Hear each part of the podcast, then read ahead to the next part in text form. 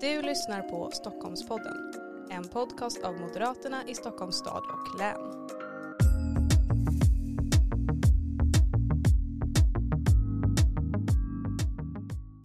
Hej och välkommen till veckans avsnitt av Stockholmpodden. Idag gästas vi av Moderaternas oppositionsregionråd Kristoffer Tamsons och vi ska prata om de nedskärningar i kollektivtrafiken som just nu drabbar Stockholmsregionen. Välkommen hit Kristoffer.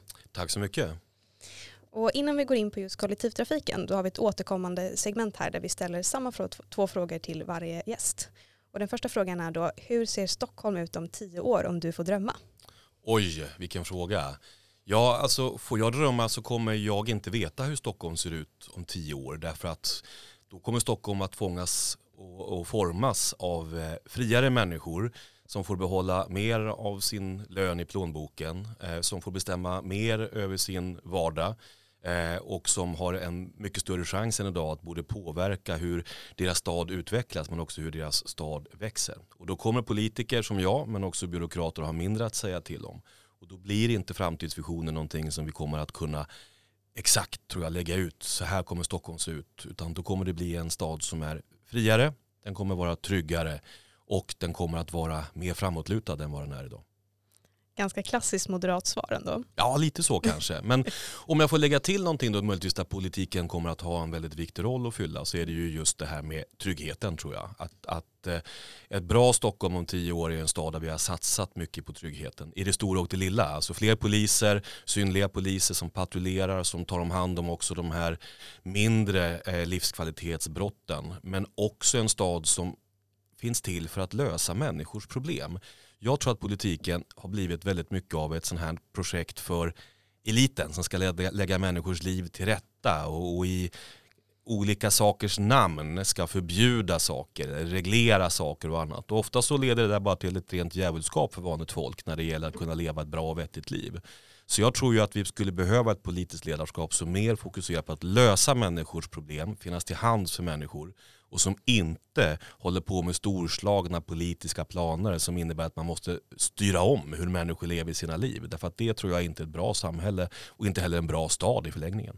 Nej, men man ska ju kunna lita på staden, att den finns där och staten i att det är tryggt och att det finns bra, men du ska också få ha din egen individuella frihet i ditt liv. Precis så, precis så. Men också ska ju politiken finnas där och staden finnas där eller regionen finnas där för att ta hand om de här sakerna som ju måste funka. Det vill säga att det ska vara helt rent och snyggt och tryggt på gator och torg och i kollektivtrafiken och på andra håll och kanter. Att det ska finnas en bra skola som lär våra unga eh, saker och ting som de har nytta av i framtiden men också ger dem självförtroende och annat och att vi har en trygg sjukvård och äldreomsorg och annat om vi inte har kraften att klara oss själva. Så det finns ju områden där politiken ska stå stark men det finns så oerhört mycket där politiken idag är inne och fingrar och lägger sig i och ska styra och ställa. Det gäller både trafikpolitiken och det gäller bostadspolitiken och det gäller företagande och näringslivspolitiken och så många andra områden där människor tror jag börjar bli jäkligt trötta på att eh, politiker och byråkrater är där och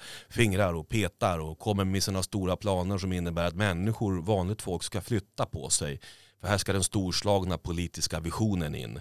Eh, och den kan ju heta olika saker, allting från att det ska vara klimatneutralt till någonting annat. Och ofta så handlar det där bara om att politiker vill in och styra och ställa över människors liv. Och det, det tycker jag är fel.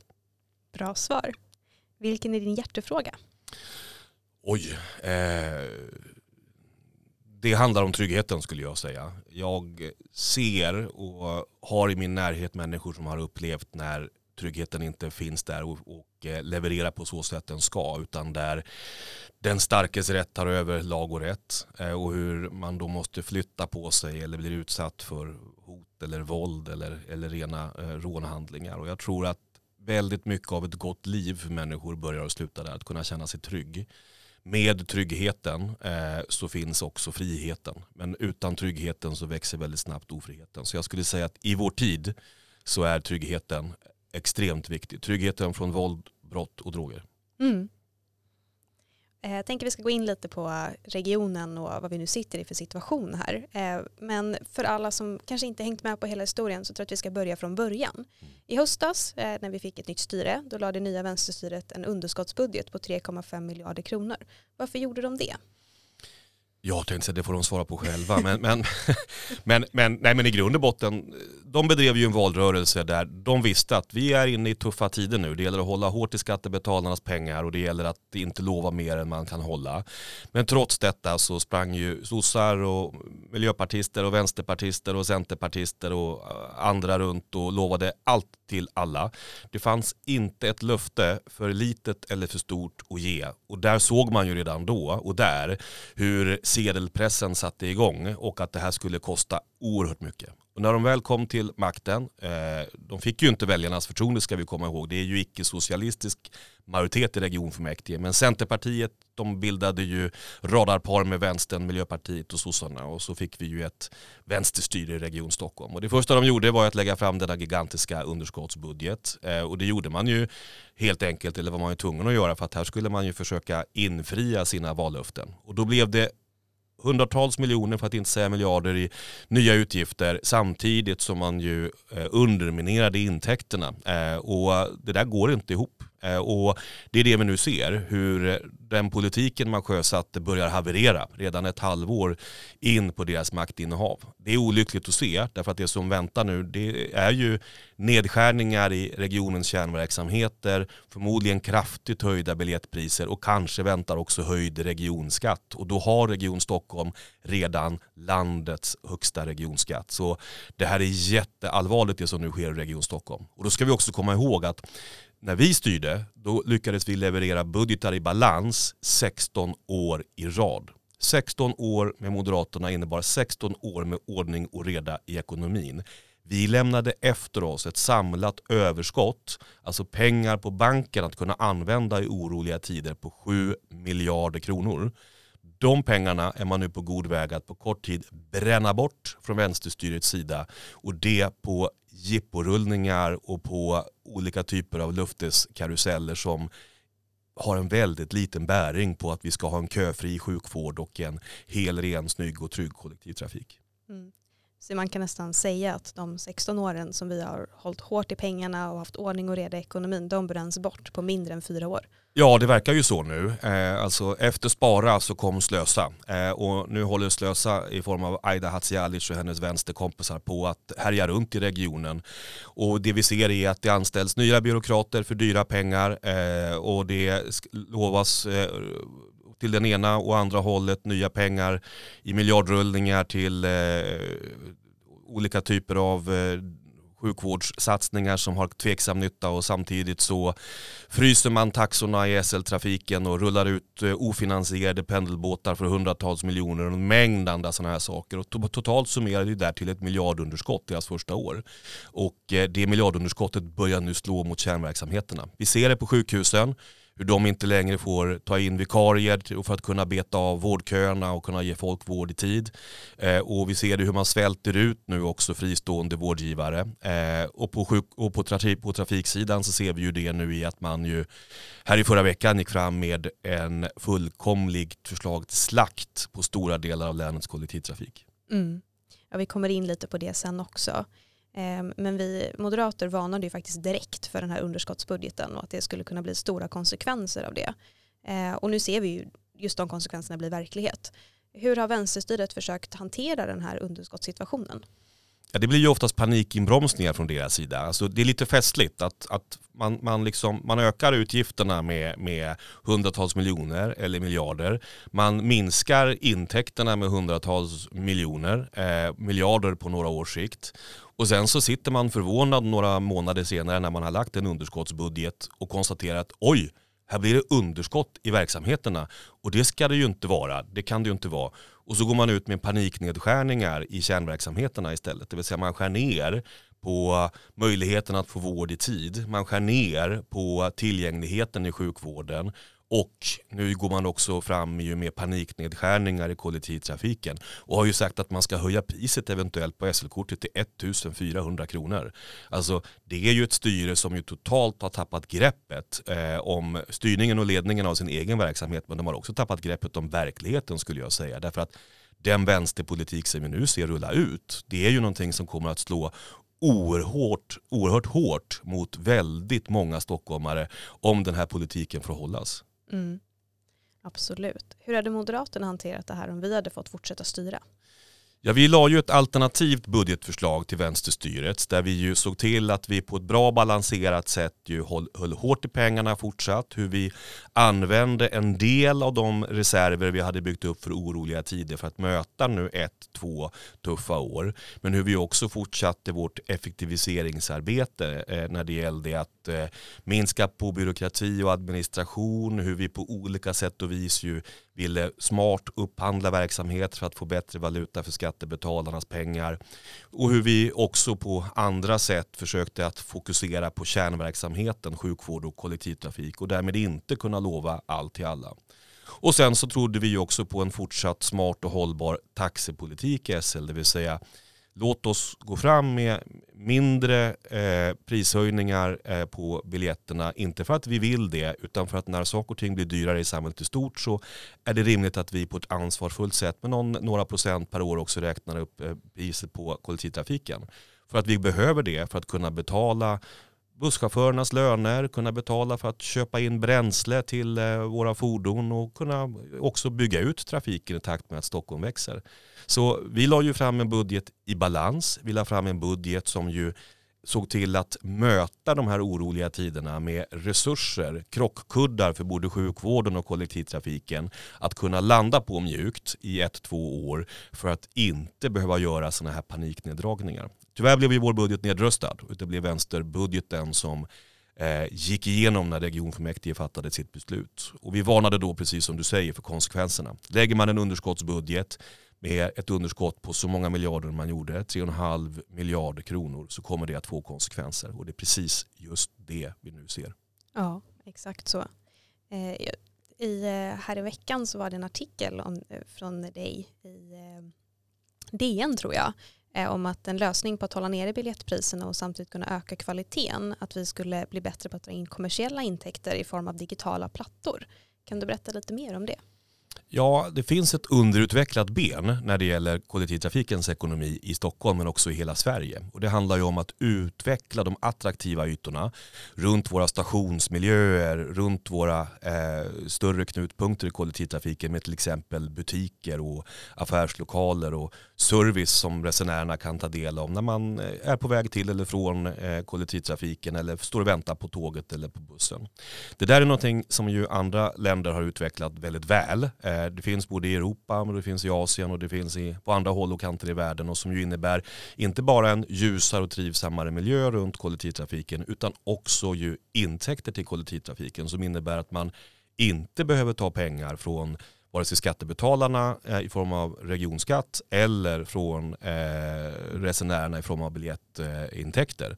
Och på samma sätt kan man också jobba med reklamen, det vill säga på ett bra och smart sätt, inte minst nu med ny digital teknik, jobba med smartare reklamytor som också innebär att man kan utöka reklamintäkterna utan att reklamytorna behöver bli så många fler eller så mycket större. Vi har ju jobbat framgångsrikt med både butiker och reklam under den tid vi styrde. Under min tid som trafikregionråd tror jag vi fördubblade reklamintäkterna exempelvis i SL-trafiken. Eh, men det finns mer att göra och det finns mer pengar att tjäna här.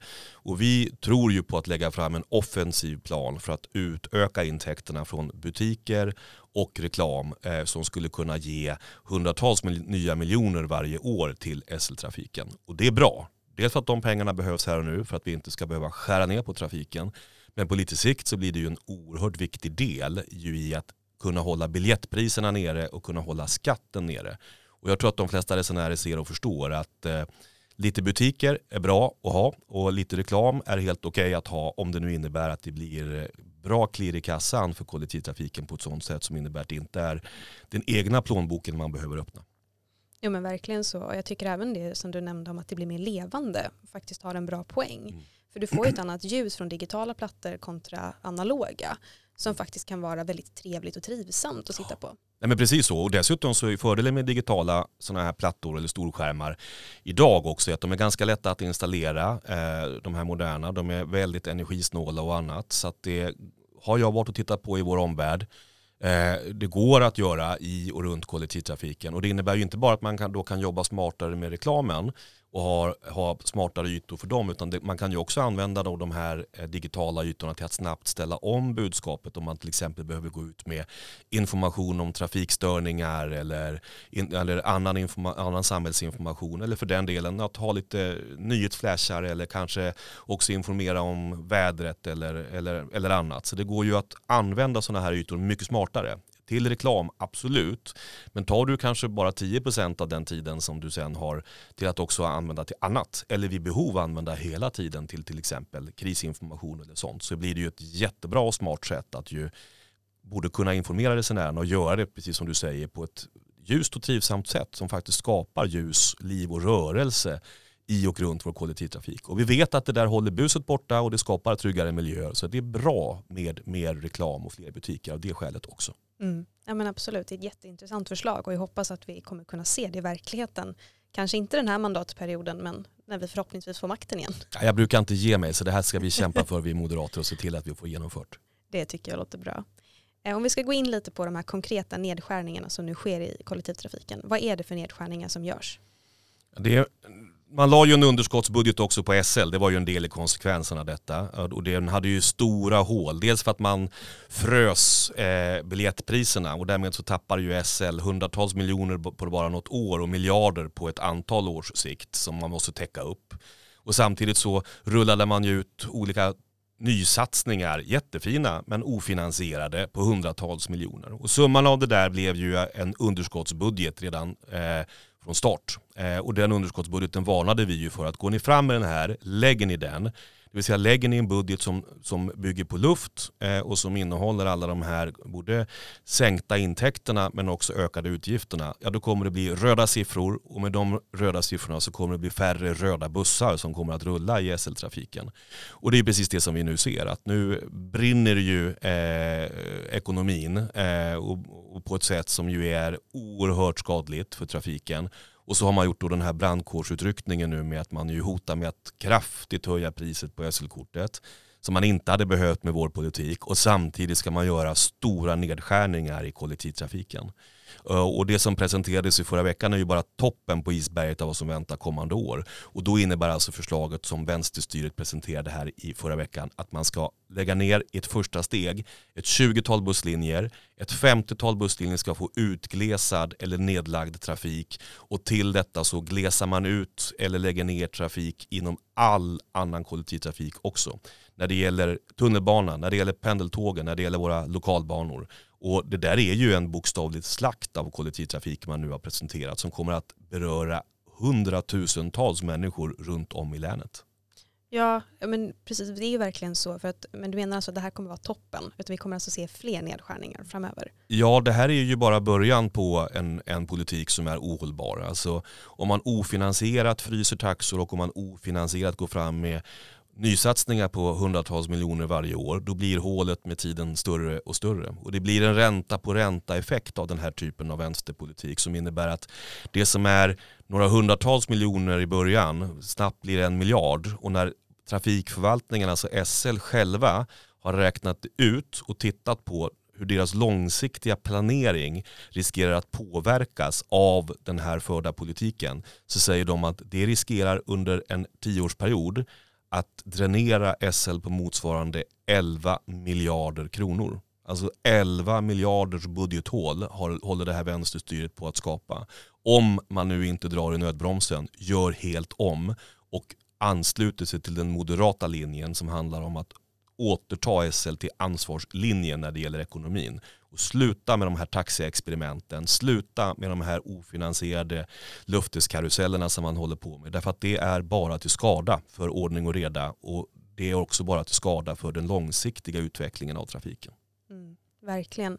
Och sen vi sitter i en situation som vi gör nu då, där man kanske är beroende av kollektivtrafiken för att överhuvudtaget ta sig till jobbet.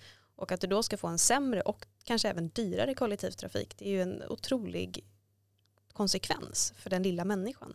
Ja, absolut så. Och då ska vi komma ihåg två saker. Det ena är ju att under moderat ledning så byggdes kollektivtrafiken ut väldigt kraftigt i Stockholmsregionen. Vi klarade av att bygga ut kollektivtrafiken samtidigt som vi lyckades leverera Eh, en politik som innebar att biljettpriserna i Stockholms län, priset på ett månadskort i Stockholms län är näst lägst i Sverige. Det är bara Gotland som har ett dy, eh, eh, billigare månadskort än vad Stockholm har. Så vi har lyckats hålla biljettpriserna nere samtidigt som vi har lyckats bygga ut trafiken och har ju också historiska utbyggnader på gång när det gäller till exempel en ny tunnelbana och annat. Och det är tack vare ordning och reda. Att vi har hållit hårt i pengarna, vi har gjort nysatsningar men när vi har gjort dem så har de varit finansierade och ansvarsfulla.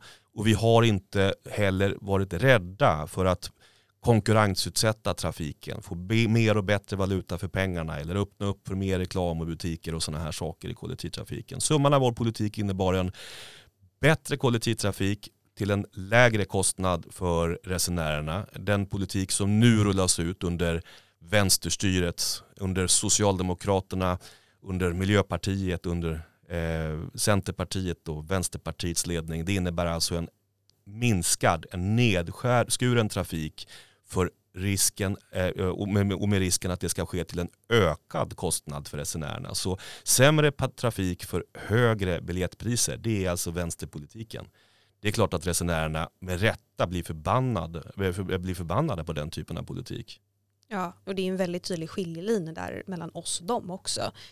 Absolut så. Och den, den, den, den som har trott eller tror att en röst på Miljöpartiet skulle vara en röst för kollektivtrafiken. Det har ju låtit så ibland när man lyssnar på dem i valdebatterna och sådana här saker. Den kan ju nu svart på vitt se att så här, nej, om man bryr sig om kollektivtrafiken, om man bryr sig om bussen, bryr man sig om pendeltåget, bryr man sig om eh, Roslagsbanan, Saltsjöbanan, Tvärbanan, bryr man sig om eh, Vaxholmsbolagets båtar och bryr man sig om någon annan del av kollektivtrafiken i Stockholm, ja då ska man rösta på Moderaterna. Därför att det är Moderaterna som är garant kanten för att den trafik som rullar ska få fortsätta rulla.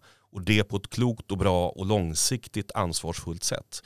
Den här andra vänsterpolitiken har vi nu prövat ett halvår och jag tror att de flesta nu ändå kan eh, konstatera att det är med ett växande elände och ett växande kaos. Det är ett bokstavligt haveri vi nu ser. Det har varit en eländig vinter med stillastående trafik och inställda avgångar och, och, det är nära nog alla trafikslag. Och till detta så kommer nu då att det blir röda siffror och presenteras nedskärningar och man varnar för att höja priset på SL-kortet med hundratals kronor. Alltså det här är inte seriöst. Så här kan man inte bedriva kollektivtrafik och det måste vi tala om för det här vänsterstyret och det ska vi också göra. Ja, ja nej men verkligen. Det är roligt, du svarar på alla mina frågor som kommer. Det är helt fantastiskt, behöver knappt hem manuset. eh, för jag tänkte gå in på det lite, hur ska vi moderater agera nu när vi är i opposition? Vad ska vi driva för frågor? Vad är viktigt att förmedla till våra väljare? Vi är ju ett ansvarsfullt parti. Vi lovar inte allt till alla. Men det vi lovar, det vet väljarna att det kommer vi också leverera på. Och det vi nu lovar och det vi nu kommer ta kamp för, det är att vi ska hålla ordning och reda i regionens finanser. För gör vi det, då klarar vi av att både beta av vårdköerna och få en bättre sjukvård. Men vi klarar också av att fortsätta resan mot en allt bättre kollektivtrafik som är hel, ren, snygg, trygg och punktlig. Som byggs ut i takt med att Stockholm växer och gör det utan att vi behöver ta ut en krona mer än nödvändigt i biljettpriser.